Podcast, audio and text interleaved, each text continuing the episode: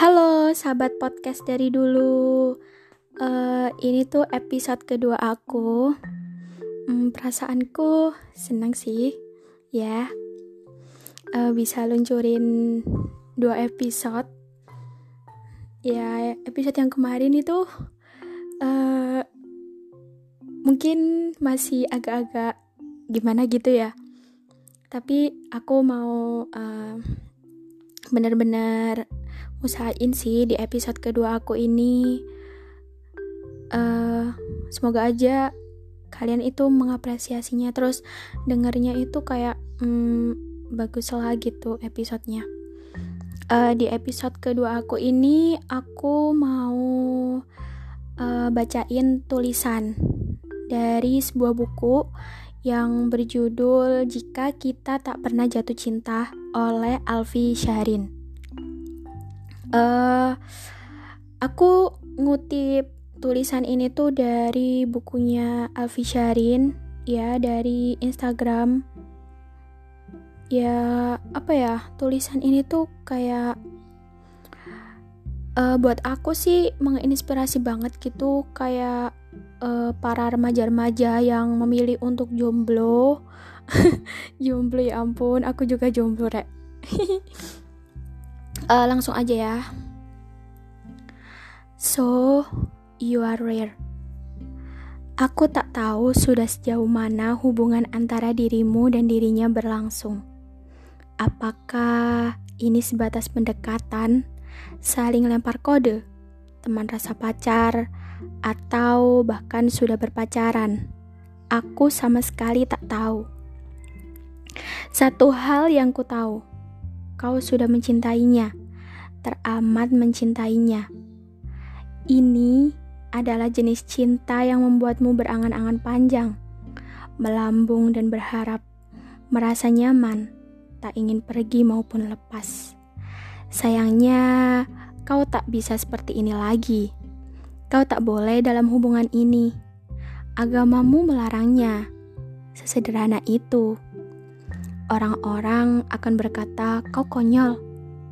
Toh gak ngapa-ngapain juga, sambung mereka. Namun diam-diam, di tengah gelapnya malam, saat kau sendirian sebelum tidur, ada yang mengganjal di hatimu.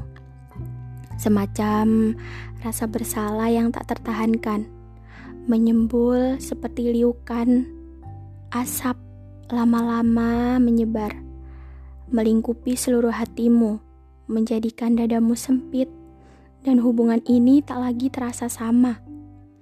Tetapi tidak semudah itu. Ingin melepaskannya, tetapi masih cinta. Terlalu khawatir dia berakhir bersama yang lain. Ingin bertahan, tetapi tak ingin terus-terusan merasa bersalah seperti ini. Ingin menikah, tetapi masih terlalu muda orang tuamu tak akan mengizinkan. Dia bahkan belum siap secara mental. Sejak awal, kau sudah tahu ini masalah tentang hubunganmu dan dia.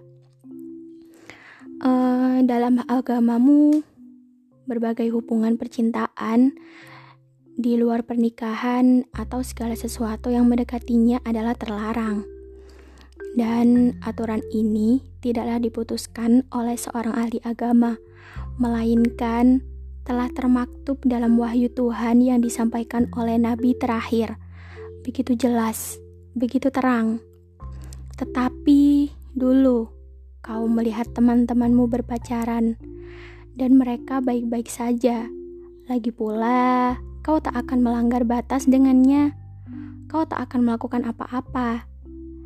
Kita nggak ngapa-ngapain kok dalam batinmu berdusta pada dirimu sendiri karena jelas ada apa-apa di antara kalian. Gombalan pagi hari yang disengaja, rindu yang diungkapkan di tengah malam, curhat hingga larut malam, lalu berlanjut pada pertemuan rahasia di sebuah tempat.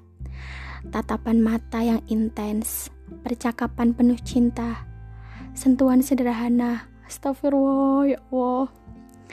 Genggaman erat tanpa seorang pun tahu semua ini terlihat indah di luar, tetapi di dalam ada yang mengganjal. agamaku melarangnya. Ingatmu lagi. Dan kau bukan seorang yang religius. Namun, jujur saja, kau lelah merasa bersalah terus-terusan. Hubungan ini pun tak akan pernah menemukan kepastian, seolah hubungan ini hanyalah kamu plasmu. Agar bahagia, kamu flasnya agar memiliki someone. Someone? Kau diambang dilema, sungguh. Kau ingin melepaskannya, tetapi ini terlalu berat. Dan aku ingin bilang satu hal, kau langkah. Karena orang-orang di sekitar kita mengharapkan cinta dari orang-orang yang tidak kekal. Namun, kau mengharapkan cinta dari Tuhan yang Maha Kekal. Orang-orang di sekitar kita menjadikan cinta sebagai tolak ukur kebahagiaan. Namun, kau mencoba melihat dari perspektif berbeda dari sisi agama yang selalu orang cemooh. That is rare, empowering, and beautiful.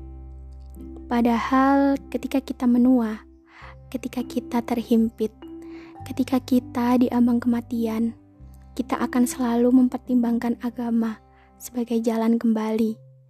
Dan hanya karena kau memilih melepaskannya karena agama, bukan berarti kau mendadak berpemikiran sempit Malah, kau berpikiran sangat terbuka karena kau menerima perspektif lain yang tidak berasal dari kehendakmu semata. Kau mencoba objektif dan kau melepaskannya saat kau masih cinta. Tiba-tiba saja kau teringat sebuah. Well, aku tak tahu apakah ini layak disebut sebuah kalimat karena ini jelas lebih dari sekedar sebuah kalimat. Ini adalah potongan ayat dari kitab agamamu, begitu dalam, indah, menenangkan, dan cocok untuk posisimu saat ini. Ya, posisi jomblo. ini dia. Dan adapun orang-orang yang takut kepada kebesaran Tuhannya dan menahan diri dari keinginan hawa nafsunya, maka sungguh surgalah tempat tinggalnya. Selamat, kalian tetap langkah. Selamat ya buat kalian yang memilih untuk jomblo. Ya, kalian itu benar-benar langkah. Langkah banget. Karena aku juga jomblo, re. Ya Allah. Jadi intinya tuh um, gimana ya? Um, buat kalian yang memilih untuk sendiri, kalian itu perfect banget good lah pokoknya kalian itu langka banget. Kalian menghindari zina. Kalian itu menghindari uh, menghindari api neraka. Kalian itu menghindari menghindarkan juga orang tua kalian. Dari api neraka kalian menyelamatkan orang tua kalian. Uh, apalagi buat anak cewek ya kayak aku ini Alhamdulillah banget. Uh, sampai sekarang aku ini jomblo. Ya kenapa kok alhamdulillah? Ya karena itu kembali lagi ke perspektif masing-masing. Kembali lagi kepada diri kita masing-masing. Uh, gitu aja sih dari aku hari ini. Uh, semoga bermanfaat ya. Dadah terima kasih